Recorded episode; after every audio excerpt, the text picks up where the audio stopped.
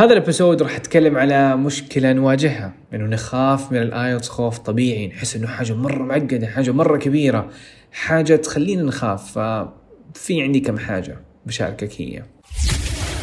This is دليلك بودكاست أبغى أتكلم على موضوع بيصير لكثير منكم هو انه لما تخاف من ال IELTS لما تاخذ اختبار تجريبي وأنت في البيت وتشوف إن درجتك نازلة مرة والدرجه اللي تبغاها مرة عالية تخاف يعني ما تبغى تسوي الحركة مرة ثانية ما تبغى تختبر مرة ثانية عشان ما تبغى تحطم نفسك مرة ثانية.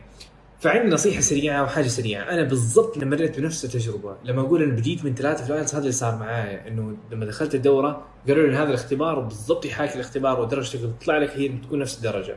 يعني زي الاختبار التجريبي لكن بشكل ممكن شوية محترف. اختبرني المختبر أو المدرب قال لي أنت درجتك ثلاثة. Which was very bad. سبت الآيلتس نسيت الموضوع تركته سنة كاملة. لأنه حسيت الموضوع مرة بعيد. لكن دحين هذا الكلام متى؟ لما عبد الرحمن ما كان يعرف حاجة اسمها إنه يمديك توصل للثمانيه مو لازم تروح لمعهد ما كنت اعرف هذه الأمور. please حطها في ذهنك إنه دليلك ال IELTS موجود من ناحية كمحتوى من ناحية عندك كتب كتاب دليلك ال IELTS موجود حتى مو بفلوس كمان يعني هدية للجميع. الفيديوهات موجودة دروس ف you have a lot of stuff you can do أشياء ناس مو أنا اللي جربتها ناس مئات الناس اللي جربوها. وعشان كذا الحمد لله تلاقي إنه الناس يعني كلامي مو كلامي أنا اللي جايب الثمانيه بس. في ناس ما شاء الله جايبين 8 8 ونص من متابعيني. The same thing happened to a lot of people. البداية لازم تبدأ. يعني إذا أنت ما بديت بالثلاثة حتبدأ من فين؟ حتبدأ من ثمانيه أكيد حتبدأ من ثلاثة أربعة خمسة شيء زي كذا. فلا تخاف البداية لا تخاف من الاختبارات التجريبية ولو سمحت خذ خذها كنقطة تعلم. لأنه إذا أنا وأنت خايفين ما حنبدأ ما حنكمل. يعني خايف من مستقبل يعني خايف من تطورك. بقول لكم حاجة واحدة اللي سوى اختبار تجريبي ومر بهذه التجربة أقول لك إنه الحركة اللي أنت سويتها 80% من الناس اللي بيختبروا اختبار آيلتس ما راح يسووها وحيخافوا منها أكثر. يعني ما حيسووا هذه الحركة.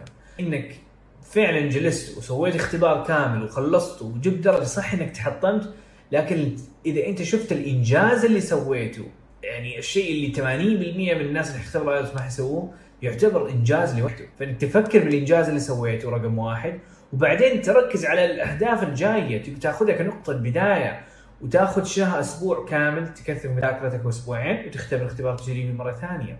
أكيد أكيد بتلاقي تحسن. هذه أول نقطة.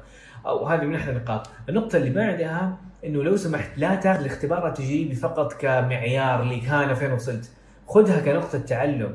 لما تأخذ الاختبار التجريبي مو بس يعني لا تعتمد على إنه أوه أنا جبت الاختبار التجريبي هذا مو معناه أوه أنا جبت الأربعة خلاص طوال حياتي حكون ثابت على الأربعة. أكيد لا. خذ اختبار تجريبي روح على كل غلطة سويتها وعيدها من جديد. مثلا في الاستماع بدل ما تكتب كلمة كامبريدج كتبت كلمة بال K مثلا أو جاوبت إجابة غلط. بدل ما تختار A اخترت C روح عيد المقطع الصوتي في ذاك السؤال واسمع المقطع من جديد وشوف فين الغلطة.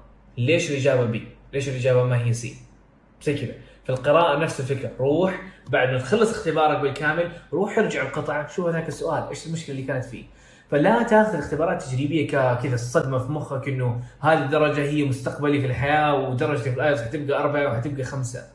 This is just the beginning.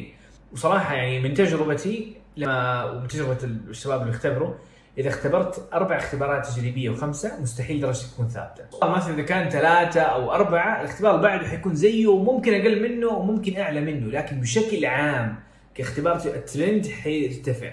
هذا هذا مو معناه إنه حضمن لك إنه الاختبار الثاني حيكون أعلى، راح أقول لك الاختبار الخامس المتوسط حق الدرجات اللي بيجيبها بيكون أعلى بكثير أو على أكيد حيكون في فرق من مستواك لما أنت بديت. طبعا هذا الكلام لما أنت تاخذ اختبار تجريبي إنك بنية التعلم من أخطائك وركزت على التعلم من الأخطاء which is a very very big deal. تخاف من اختبار شيء طبيعي لكن بليز لا تاخذها كعائق ليك، مرة ثانية هذه عوائق وهمية، أنا بحاول أوضح لكم هذه إنه فعلا نعيشها نعيش إنه لازم معهد، لازم أختبر اختبار تجريبي وجبت فيه الثمانية من أول مرة. It's never gonna happen، الناس اللي دخلوا اختبار ال IELTS جابوها من أول مرة هذا بعد ما سووا خمسينات وعشرات الاختبارات التجريبية اللي كانت أقل بكثير اللي جاب الستة من أول مرة في الاختبار الفعلي في اختباراته التجريبية كان بدأ من الثلاثة والأربعة والخمسة. Just just the beginning خذها كنقطة تعلم و please please please keep going.